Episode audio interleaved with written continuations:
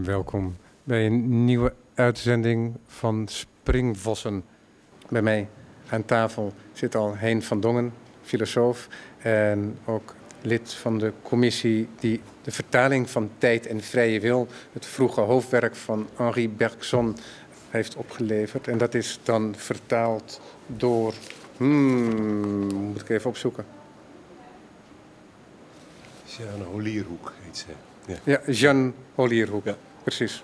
Excuus. Het boek Tijd en Vrije Wil in de nieuwe vertaling is uitgegeven door uitgeverij Boom in die prachtige serie waar al die klassieke filosofische werken in uitkomen met een gestaag tempo. Ja, onder de naam Grote Klassieken. Ja, welkom Hein van Dongen.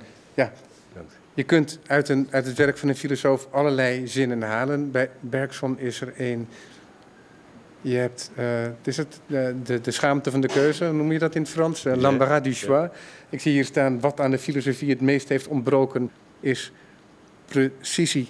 Ja. Nou zou je denken dat dat het minste probleem is, maar we gaan het er het komende uur over hebben. Tijd en vrije wil, dat kwam uit in 1888, 1889. Henri Bergson is dan een eind twintiger, denk ik. Ja, 29, Ja. 30, ja. Het is een proefschrift ook. Maar daarmee legt hij wel al zijn werkterrein vast voor de rest van zijn leven. En dat is geen teken van starheid van de man, Nee, mag je wel zeggen. dat- hij is gegrepen door eh, de ervaring van tijd. Wij zouden kunnen zeggen dat de dingen altijd bewegen, dat de dingen zich voortvlieden, dat ze stromen, dat ze duren. En hij heeft eh, geprobeerd om over de allerlei filosofische probleem- problemen na te denken vanuit die ervaring. Hij noemt dat durée, eh, de duur is het in het Nederlands. Eh, dat is de tijd zoals je hem ervaart, niet de tijd van je horloge. En eh, in de fysica zou je kunnen zeggen, nou die tijd kan je meten. Maar als je de tijd ervaart, is dat iets wat je niet zomaar meet, maar wat je doormaakt, wat je doorleeft. En eh, hij heeft geprobeerd om vanuit die ervaring over allerlei verschillende filosofische problemen na te denken.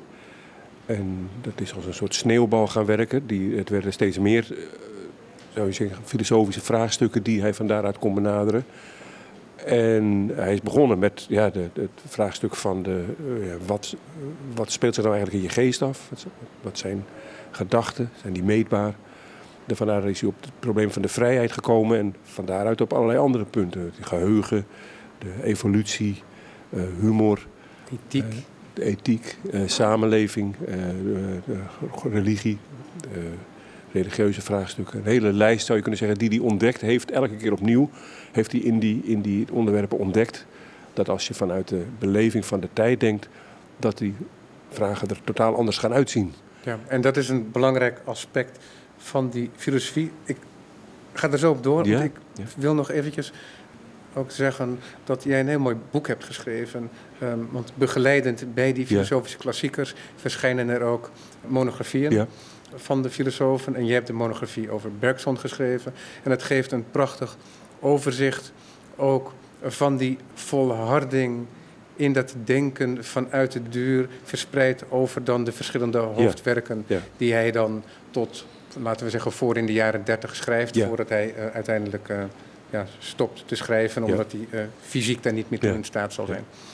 Ehm, ja, het denken van Bergson. Wat, om, voordat we in die filosofie duiken, is jouw relatie met het denken van Bergson? Ik herinner me nog dat ik misschien nieuwsgierig gemaakt door wat citaten in boeken. Ik denk op mijn 22e in de UB in Amsterdam stond met de scheppende evolutie van eh, Bergson in mijn handen.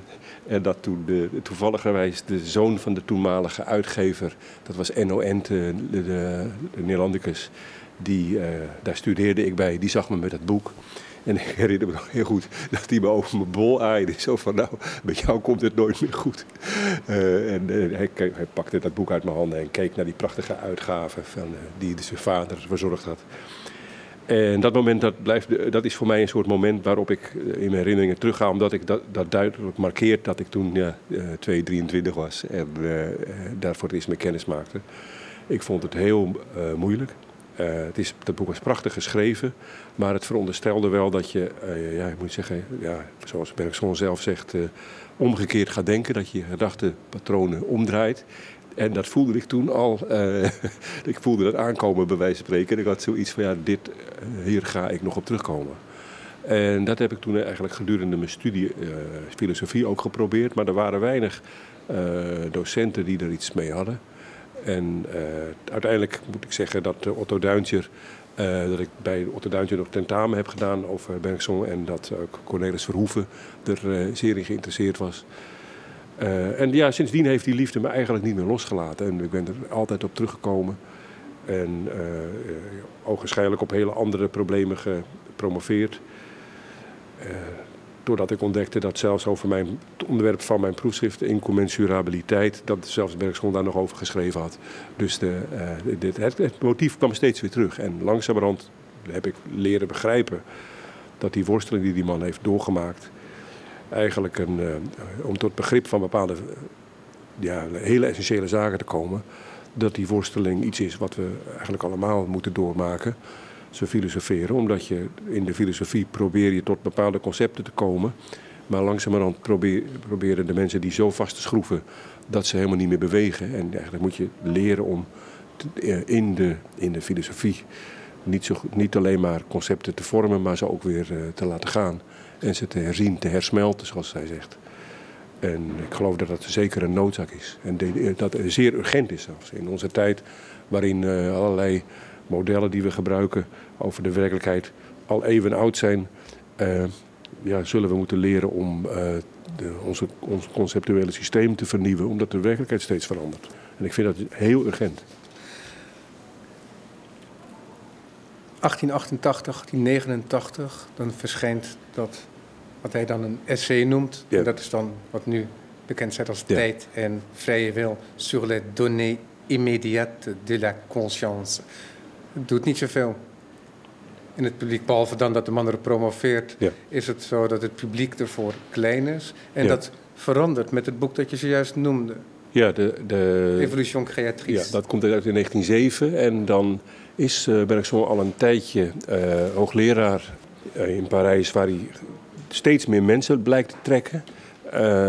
waarschijnlijk was hij een fascinerend spreker. Het verhaal gaat dat hij zonder enige tekst in de collegezaal verscheen. En dat de zinnen als een, ja, laat ik zeggen, uh, door de zaal rolden in een, in een prachtige cadans. En dat hij sprak alsof hij, zou je kunnen zeggen, helemaal door het onderwerp gegrepen werd. Ja. Er komen steeds meer mensen naartoe.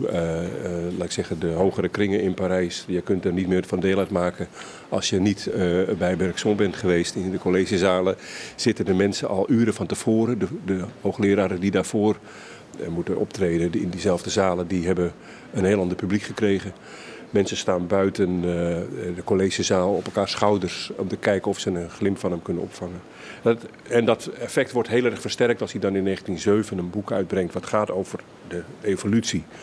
En uh, de, de, creatieve evolutie heet het dan in, in het Nederlands scheppende evolutie. Waarbij evolutie geen blind mechanisch proces is, zoals in het orthodoxe Darwinisme maar een uh, ja, proces van voortdurende vernieuwing, waar we zelf in zijn opgenomen. En wat we uh, ook uit innerlijke ervaring kunnen kennen. Dus je zou kunnen zeggen, die gedachtenstroom die bij ons uh, innerlijk zich steeds vernieuwt, ver, verfrist, verandert, die werkt in de levende organische wereld door als een evolutieproces.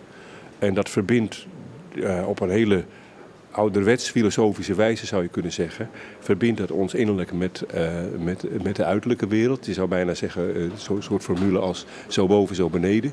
En dat maakt uh, het heelal in plaats van ondoorgrondelijk en veraf, ja, iets wat je, waar je innig contact mee kunt hebben als je je voor opent.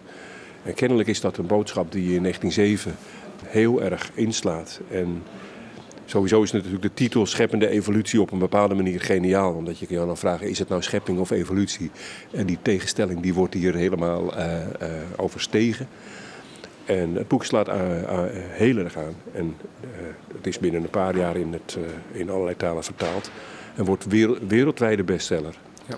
Dat scheppende evolutie, dat moet ik, daar moet ik ook toch altijd denken, maar dan bekijk je het van een afstandje en als een abstractie aan bijvoorbeeld de wil van Schopenhauer, die ook zo'n element herkent uh, wat door alles heen uh, zit, dat de drijfveer is Ja. van alles. Ja. En um, dus ook dat van ons denken, maar eigenlijk alles wat ons Ja. omringt. Ja, Maar Bergson die heeft zijn eigen punt. En dat punt van vertrek, dat is de durée. Ja. Dat gaf je al eerder aan.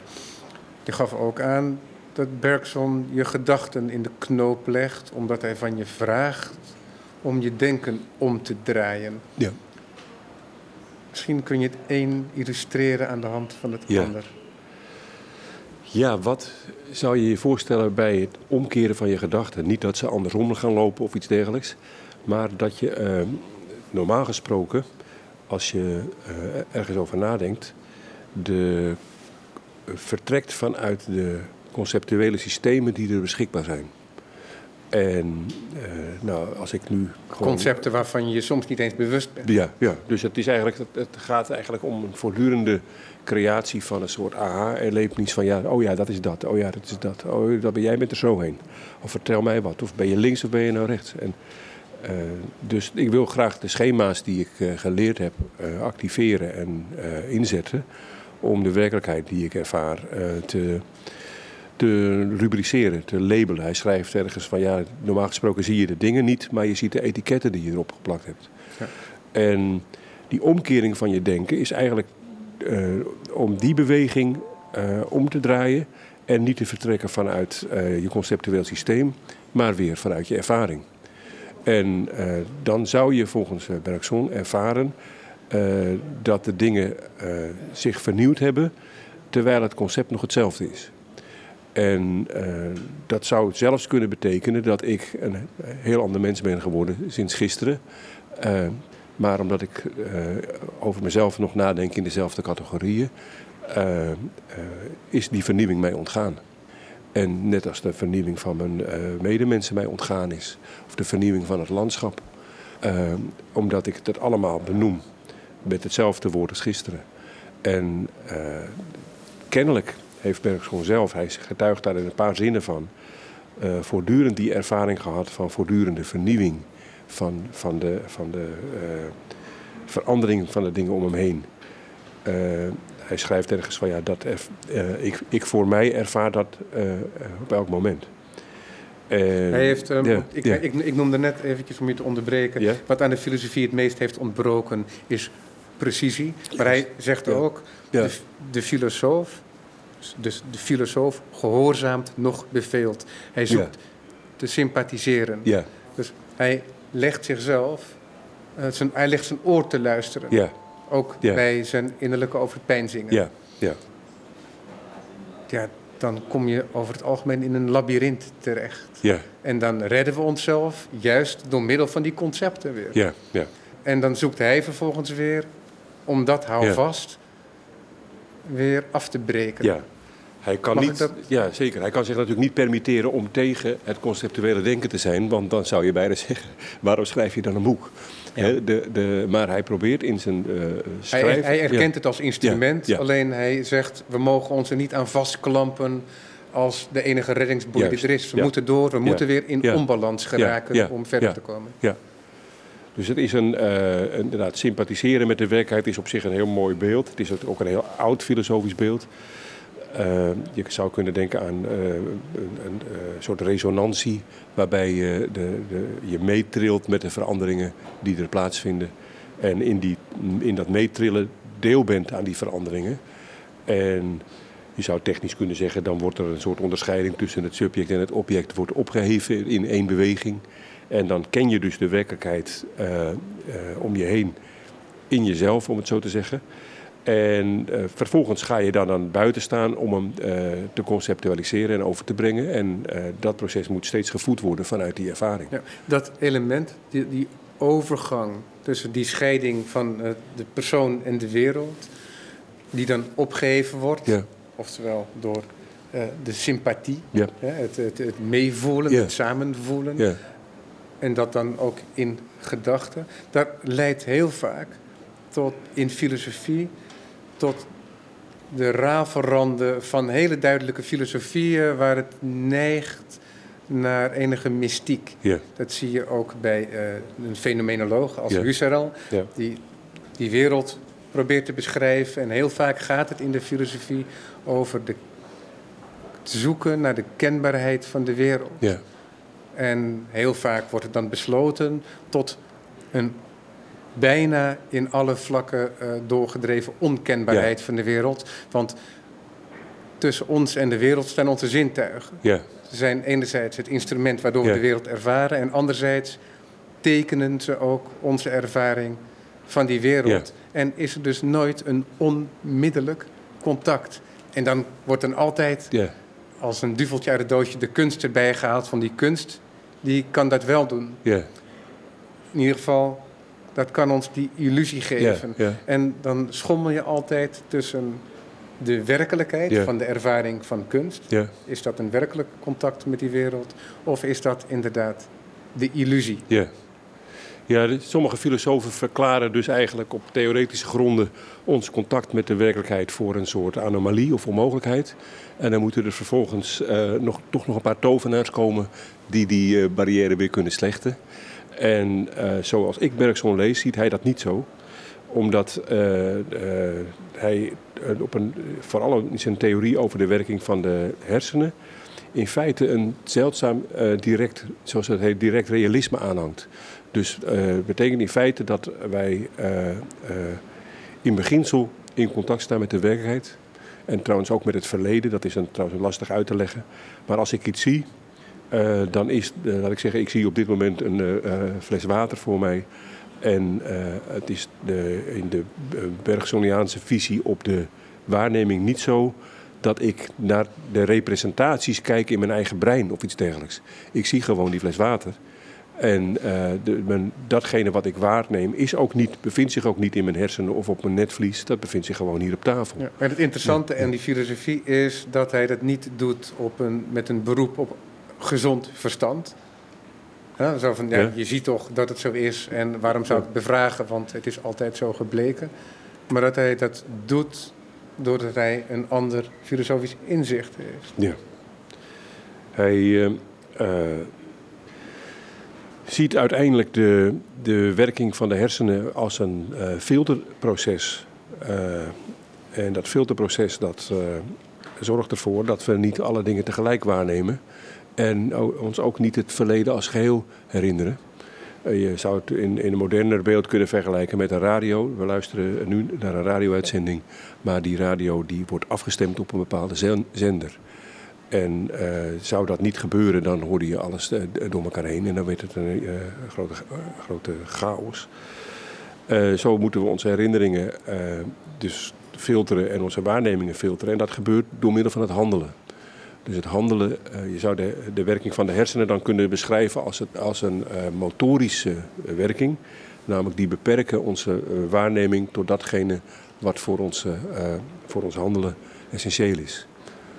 En die beperking heeft dus praktische waarde, maar zouden we die op de een of andere manier kunnen, dat filter kunnen uitschakelen of maar een heel klein beetje kunnen remmen, dan zou je dus de remming remmen, om het zo maar te zeggen. En dan zou je veel meer dingen eh, kunnen waarnemen eh, van je omgeving, omdat je in feite voortdurend met die biotoop eh, in interactie bent. Ja. En dat is dus een omgekeerde visie op de werking van de hersenen dan die, laat ik zeggen, aan de universiteiten en hogescholen wordt onderwezen. Omdat men in onze tijd er heel vaak van uitgaat dat ja, de hersenen gedachten produceren. Hier zit, en, en bij Bergson is het dan zo dat die gedachten niet door de hersenen worden geproduceerd, maar gefilterd. Ja.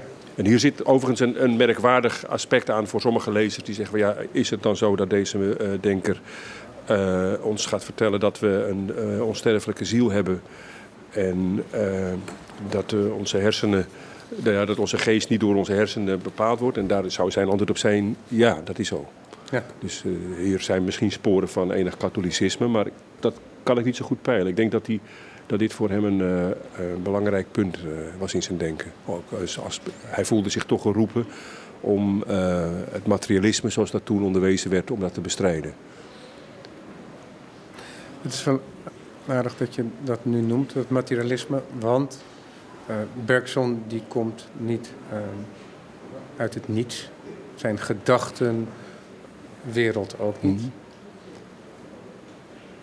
komt een beetje voort uit een verzet tegen datgene wat ons heel veel heeft gebracht. Tegen de verwetenschappelijking ja. van, uh, van ons denken. Ja. Of zoals je zelf ook aanhaalt, en uh, dat blijft altijd een hele mooie referentie. Zoals uh, Dijksterhuis dat noemde, de mechanisering van het wereldbeeld. Alles wordt meetbaar. Zaken worden door ons heel gemakkelijk uh, kwantitatief uh, voorgesteld. dat, uh, ik heb geprobeerd in het boek wat ik schreef om dat maar uit te leggen met een heel simpel metafoor. Dat, dat je de, zeggen, de sterkte van de koffie op een koffieautomaat of iets dergelijks. Dan kan je plusjes of min, minnetjes aan toekennen. Ja. En dan wordt het twee of drie of vier keer zo sterk. Dat zegt over je smaaksensatie helemaal niets. Want die is niet opgebouwd uit 1, 2, 3 of 4. Dus je, je kan wel zeggen dat de automaat de dosering van de koffie verdubbeld heeft. Maar je kan niet zeggen dat de koffie daardoor twee keer zo lekker is. Ja. Of iets dergelijks. Of 1,3 keer zo scherp of weet ik wat. En uh, Bergson gaat uit van de ervaring. En dat betekent dat hij dus die ervaring, ja, je zou bijna kunnen zeggen, die ervaring beschermt, wil beschermen tegen de meetbaarheid. Wat gebeurt er als je die ervaringen meet? Ja, dan worden ze vertaald in een of ander schabloon. Maar dan hebben ze meteen hun uh, wezenlijk karakter verloren. En uh, dat, hij ziet dat als een bedreiging. Hij ziet dus dat, uh, dat de mensen hun ervaringen inruilen, zou je kunnen zeggen, voor iets wat kwantitatief is. En dat ze niet in de gaten hebben dat ze daarmee ondertussen over iets heel anders praten. En ik denk dat ook dat stukje van zijn boodschap, om het zo maar te zeggen, nog steeds heel actueel is. Omdat we vaak zonder enige twijfel of reserve overschakelen van onze ervaring naar uh, een kwantitatief raster. En dan dat raster houden we dan voor de werkelijkheid. Ja. Heeft hij heel duidelijk geschreven over hoe hij daar terechtkomt? Hoe hij um, op zijn manier greep kreeg um, op zijn gedachten in die introspectie? Ja, hij, hij uh, beschrijft zijn introspectieve processen niet uh, op een autobiografische wijze. Dus hij schreef niet, uh, ja, maar in een aantal passages in zijn werk, een aantal brieven ook, zegt hij daar iets over, maar in het algemeen kiest hij niet voor de ik-vorm. Zegt hij niet toen ik dat of dat of dat uh, overdacht, toen kwam ik daar en daarop. Hij schrijft in de wij-vorm. Nou is dat natuurlijk ook een ouderwetse literaire vorm. Nog steeds leren mensen die een scriptie schrijven om te zeggen... we hebben in ons onderzoek, dat is het auctoriaal meervoud... maar doordat hij dat gebruikt, uh, wordt het verhaal algemeen. En dan analyseert hij op basis van, zou je kunnen zeggen... een zijn, zijn eigen ervaringen toch hoe die duur zich in ieders uh, gedachten zou manifesteren. En uh, dat is op een bepaalde manier wel makkelijk uit te leggen als je gewoon eens bij je eigen gedachten stilstaat. Dan merk je dat dat helemaal onmogelijk is. Die gedachten staan niet stil. Je kan eigenlijk helemaal niet zeggen: ik denk nu dit of dat of dat. Ik denk dubbele punt, aanhalingstekens openen uh, bla bla bla, sluiten. Zoiets uh, kun je bijna niet denken, tenzij je een uh, obsessie hebt. een dwanggedachte of iets dergelijks. En zelfs zo'n dwanggedachte wordt een dwanggedachte doordat hij zich herhaalt. Dus voortdurend zijn je, zijn je gedachten in beweging als een hele lange zin waar steeds een woord aan toegevoegd kan worden. En waar elk nieuw woord de betekenis van de voorgaande zinnen kan veranderen. Of denk aan een melodie waar elke nieuwe uh, uh, wending de betekenis van de voorgaande melodie Ja, dat is een hele mooie, ja. mooie metafoor die jij gebruikt. Hè? Ja. Het is een muzikaal beeld en uh, ja, iedereen die van muziek ja, houdt... Ja, ja, die, precies. Maar ik dacht, misschien moeten we hem nog eventjes ja. lostrekken en nog een keer presenteren, los van de zin waar je in zat. Ja, ik hoor een, een melodie. En eh, ik probeer die melodie te volgen. Om te beginnen is het zo dat als er geen tijdervaring zou zijn, dan is er geen melodie. Dan heb je gewoon één noot en die klinkt niet, omdat die niet weer klinkt, omdat die geen duur kent. Dus muziek veronderstelt tijd. In de, in de ervaring van een melodie word je meegenomen in die melodie. Maar je weet niet hoe die afloopt. Of deze melodie van het bestaan loopt helemaal niet af. Die gaat en, altijd en, door. En Ja. op het Ja. punt in de melodie waar je zit, daarin neem je datgene wat je gehoord hebt, klinkt altijd nog door, is Ja. altijd nog aanwezig in een Ja. gelijktijdigheid. Ja, absoluut. Ja. En ook de projectie op wat het mogelijke vervolg kan zijn van een melodie speelt op dat ene punt, in wat we dan maar eventjes voor het gemak nu noemen, ook een rol. Ja. En dat is denk ik het elementaire aan die metafoor waarom hij dit gebruikt Ja. In relatie tot Ja. zijn denken. Tot- ja, heel belangrijk. Je neemt inderdaad in het luisteren van de muzie- naar muziek altijd het verleden mee en je anticipeert ook altijd op wat er zou kunnen komen. Komt er iets onverwachts, is eh, daarmee het verleden in een nieuw licht gesteld. Dus eigenlijk impliceert deze manier van denken dat eh, eh, het verleden altijd aanwezig blijft, maar niet afgesloten. Ja, precies. Dus het is een onvoltooid verleden tijd. Ja. elke metafoor, elk concept heeft zijn beperkingen. Ja. Want dit zou ook veronderstellen, en daar gaan we het naar de muziek over hebben, dat eh, het gedetermineerd is. Want de melodie kent een einde en Ja, het ja, wordt al geprojecteerd. En, eh, maar goed, over die mogelijkheden en die zee en mogelijkheden die daarachter ligt, eh, daar is ook heel veel over nagedacht. Hè? ja. Je hebt, eh, Borges heeft een mooi verhaal geschreven over eh, de tuin met de paden die zich vertakken. Ja. En dat is dan ook weer een metafoor voor, voor verhalen die meerdere parallele Ja. mogelijkheden Ja. en parallele werelden kan bereiken. Maar goed, dat voor eh, zometeen. Dan spreek ik verder met Hein van Dongen over Henri Bergson. We gaan nu luisteren naar een prelude, meen ik, van Domenico Scarlatti, gespeeld door Zacharias.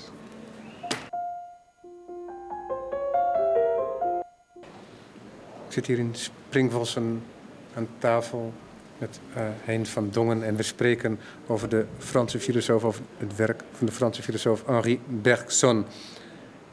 En voor de muziek hadden we het over een metafoor die Bergson gebruikte in, om aan te geven hoe tijd niet bestaat uit ehm, discontinue elementen, maar dat er ook gelijktijdigheid is en dat dat onze ervaring van eh, tijd is. En anders dan de meetbare tijd, eh, zoals de klok een eh, circulaire Ja. een meetlat is. Ja. Ehm, we horen de melodie, we bevinden ons op een punt in de melodie en het voorgaande, dat klinkt mee in het nu en de projectie van het komende zit, zit daar ook in mee. In, als je dan vastzit in een melodie, dan is, de, is, dan is het gedetermineerd, dan zit Ja. het vast. Ehm, maar we kunnen ons ook altijd laten verrassen. En dat is het mooie misschien ook aan muziek. En dat is misschien ook weer de beperking dan van een metafoor waar we dan nu uit gaan stappen. Ja. De metafoor van de melodie. eh, dan zouden we denken aan eh, door een componist voor ons ge- eh, een geschreven melodie die we spelen. Of een grammofoonplaat die we op de draaitafel leggen. En die zijn inderdaad in, gedetermineerd. Het is niet mogelijk bij massaproductie van LP's dat er bij de een en andere eh, LP op de draaitafel ligt of in de CD-speler eh, dan bij de ander. Maar als je de metafoor loslaat van de menselijke productie van melodieën, dan zou je heel goed kunnen zeggen: ja, het is natuurlijk een enorm cliché dat van het concert des levens niemand een programma krijgt. In die zin dat de, eh, de melodie van het leven eh, eh, zich steeds kan vernieuwen, vrij is. En dat ik wel kan anticiperen op de mogelijke wendingen van de melodie, maar dat die melodie mij ook gewoon voortdurend kan verrassen. En eh, eh, dat is eigenlijk Bergson zijn visie op, eh, die, die, met die metafoor van de melodie wil uitdrukken. Namelijk dat de tijdsduur, eh, de duurervaring ook meteen een ervaring van vrijheid is. En dat dus de, de, tijd niet gedetermineerd is. En in de, in de fysische opvatting van zijn dagen was dat wel zo. Hè. Je had allerlei theorieën die zeiden van ja, uh, de tijd is dan misschien de vierde dimensie van de ruimte of iets dergelijks. Maar in beginsel staat volgens de natuurwetten alles al vast. En het enige wat er nog moet gebeuren is dat zich dat als het ware uitvouwt. Dus dat het, dat het zich ontrolt. Nou ja, daarvan zei Bergson van als dat de tijd is, dan heeft hij helemaal geen functie, want dan is, er alles, is alles er al. En uh, hij zegt dan letterlijk zoiets van ja, de tijd is schepping of ze is niets. Met andere woorden, uh, de tijd is voor hem, de ervaring van tijd is de vrijheid. En dat is natuurlijk een heel andere visie dan de ja. mechanische visie op een, op een klok, bij wijze van spreken. Maar hij heeft daar ook een hele tragische constatering. Ik was het aan het zoeken, ja. Uh, maar ik weet even niet welke paginanummer het is. Ik dacht het misschien aardig om voor te lezen. Maar wat hij ook zegt is... Die tijd, die durée, daar ligt onze vrijheid. Maar daar bevinden wij ons zelden. Ja. We lopen ervoor, we lopen ervoor weg. Ja.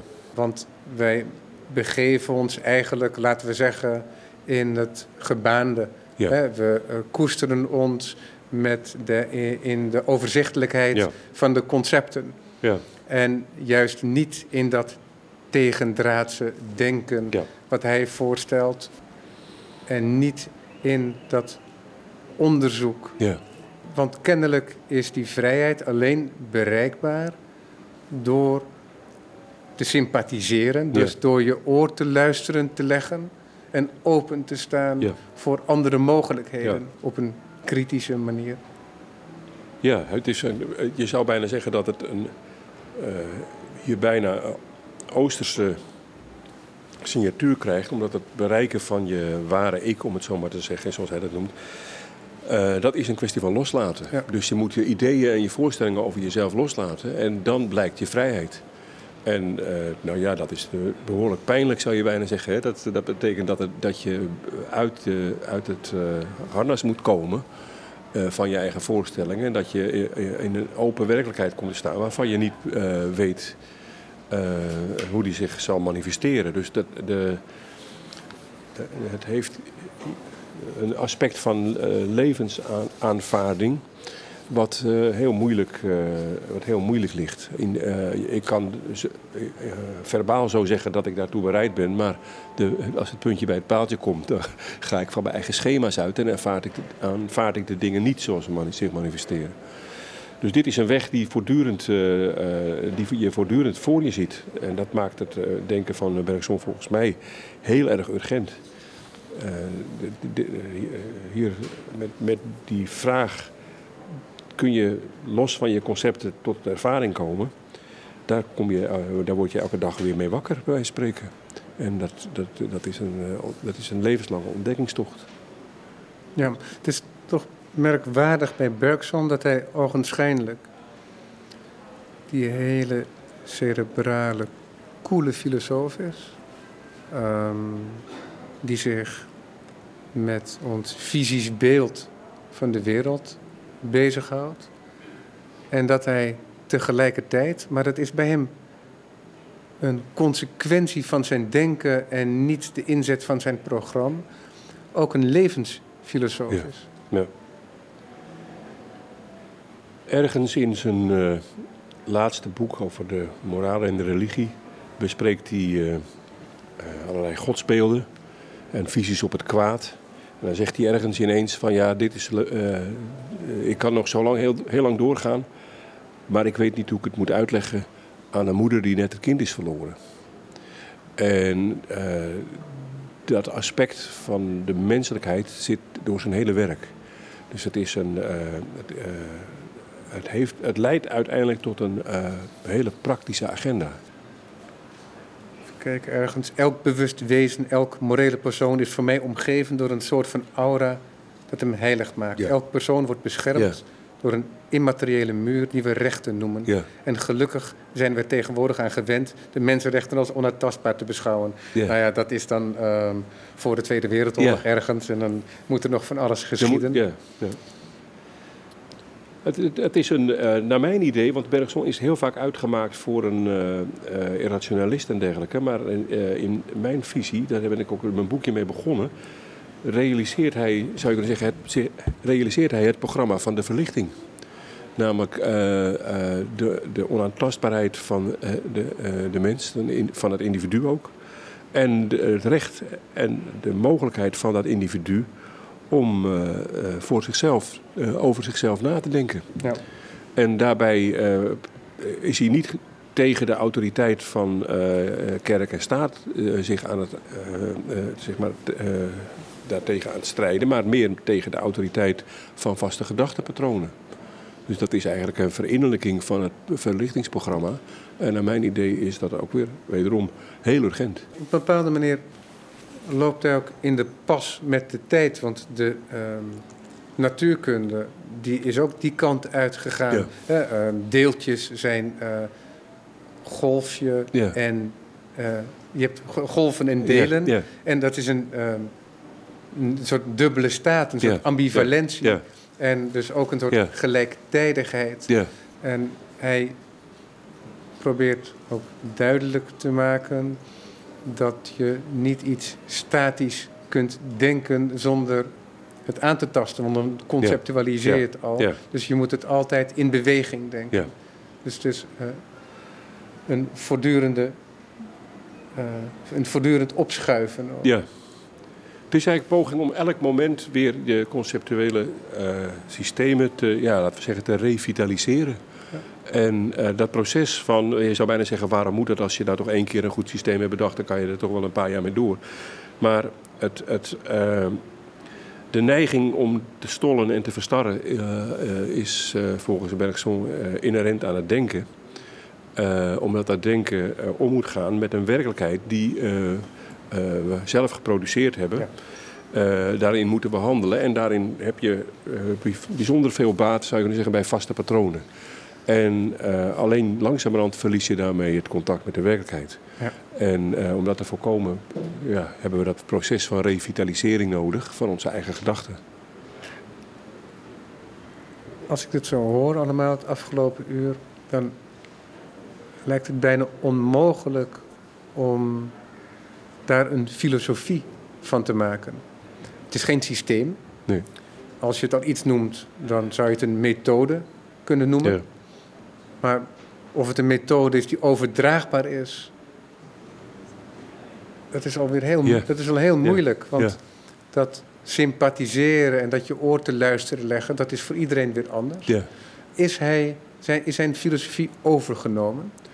Ja, directe volgelingen en uh, uh, ja, leer, leerlingen van een school of iets dergelijks heeft hij eigenlijk niet opgeleverd. Daarvoor is waarschijnlijk zijn, uh, zijn stijl te uniek en persoonsgebonden geweest. Het is ook heel literair. Hè? Hij heeft ook in de Nobelprijs voor literatuur gekregen in 1927. Ik denk dat uiteindelijk blijkt dat Bergson niet de, enige is die, zou je kunnen zeggen, een procesdenker is. En dat het een, lijn door de filosofie is die uh, ook, ja, laat ik zeggen, uh, mensen als Whitehead en uh, William James verbindt. Zelfs misschien oude Chinese denkers in deze, ja, zijn gegrepen door de, door de poging om het denken in beweging te houden. Ja. En om het denken niet in die taal te laten graven, maar door die taal heen te, te, te leiden. Ja, en in ideeën niet vast te leggen, wat je ook bij de Taoïsten treft. Ehm, ik moet dan altijd denken aan de uitspraak inderdaad van de eh, Taoïstische filosoof, die zegt zoiets van als je uh, een haas wil vangen, dan uh, maak je een strik. Als je de haas hebt gevangen, vergeet je de strik. Als je een vis wil vangen, heb je een, nek, een net. Als je de uh, vis hebt gevangen, vergeet je het net. Als je betekenis wil vangen, heb je woorden. Als je de betekenis hebt gevangen, vergeet je de woorden. Heeft hij als laatste zin. Waar vind ik iemand die de woorden vergeten is, zodat ik met hem kan praten? Ik vind het zelf een prachtige uitspraak, mm. omdat je iedereen kent het gesprek waarin je in de woorden blijft hangen. Wat bedoelde jij toen ik zei dat jij zei dat. Nee, maar eh, wat versta jij daar dan onder? Nou ja, dat soort gesprekken, die, die, ja, daar kom je niet doorheen. En je, je verliest het contact met het onderwerp waar het over gaat. En Dus waar vind ik iemand die de woorden vergeten is? Ja, zo iemand is uh, Bergson naar mijn idee. En uh, die krijgt terecht de Nobelprijs voor de literatuur. Ja. Nou, volgende week spreek ik daarover met uh, Christopher Schipper toevallig. Ja, ja. Dus um, dat dan voor de geïnteresseerden. Je hebt een heel mooi, um, mooie paragraaf toegevoegd aan je boek over Bergson. En die paragraaf heeft als titel Walk Your Talk. Bergson die geeft allerlei aanbevelingen hoe je uh, je gedachten in beweging kunt houden, zodat je niet een gevangene wordt van je eigen gedachten ja. eigenlijk. Ja. En dan ga je vijf punten langs. En met die vijf punten die je hebt opgedoken in het werk van Bergson, stel je de vraag: zijn de aanbevelingen van Bergson van toepassing op zijn eigen filosofie? Ja, ja. Ja, ik uh, uh, merkte dat er een bepaalde paradox in het werk lijkt te zijn, omdat hij spreekt over manieren om aan de taal te ontstijgen, aan de beperkingen van de taal. En dan zegt de slimmerik natuurlijk van ja, maar je schrijft zelf wel, dus hoe kan dat nou? En hij, uh, dan blijkt dat hij in zijn werk een aantal aanbevelingen geeft die een schrijver zich ter harte zou moeten nemen om niet in die taal te blijven steken. En een daarvan is dat je veel met metaforen werkt, veel met beelden, zoals hij dat noemt. En dat je ook die beelden op een gezet moment weer loslaat, waardoor die lezer niet de hele tijd met het voorbeeld aan de haal gaat. Zodat het geen symbolen worden. Ja, zodat het geen symbolen worden. En uh, nou, dat blijkt, ik heb, ik heb zelfs uh, bepaalde passages zitten, de metaforen zitten tellen. Je wordt er af en toe duizelig van. Ze, uh, ze wentelen om elkaar heen en do, do, lopen door elkaar heen. Maar het is een meesterlijk gebruik van beelden om je heel eventjes mee te nemen. En, en vervolgens weer een ander beeld En het is geen spel, want je hebt ook gezegd, en dat vond ik een heel mooi experiment.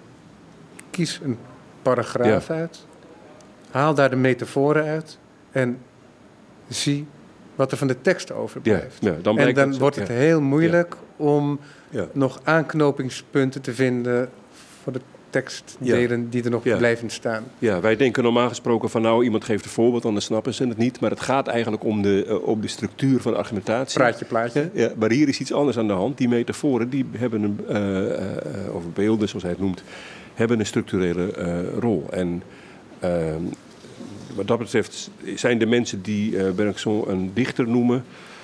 Uh, er niet helemaal naast. Uh, als, als sommige mensen gebruiken het als disqualificatie van ja, die man schrijft zo mooi, dat is geen filosofie, dat is een dichter. Maar dan hoef je het ook niet meer als filosoof te lezen. Ja, hij noemt de, de metafoor ook, uh, haal je aan, geen omweg, maar een manier om recht op het doel af te gaan. Ja, ja.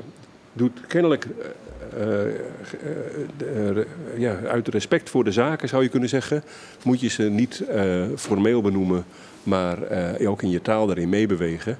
En hier blijkt overigens, dat is heel interessant, dat die, zijn, zijn poëtica, om het zo maar te noemen, zijn visie op het schrijverschap, toch allerlei overeenkomsten heeft met dichters en kunstenaars uit de tijd van het symbolisme. Dat is nou precies de tijd waarin hij leefde.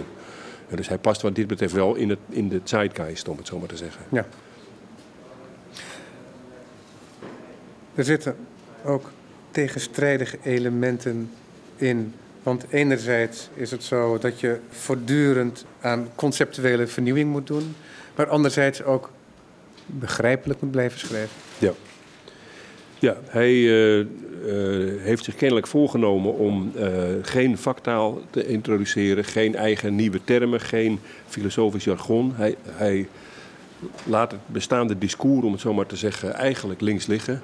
Hij uh, praat niet het taaltje van de filosofen.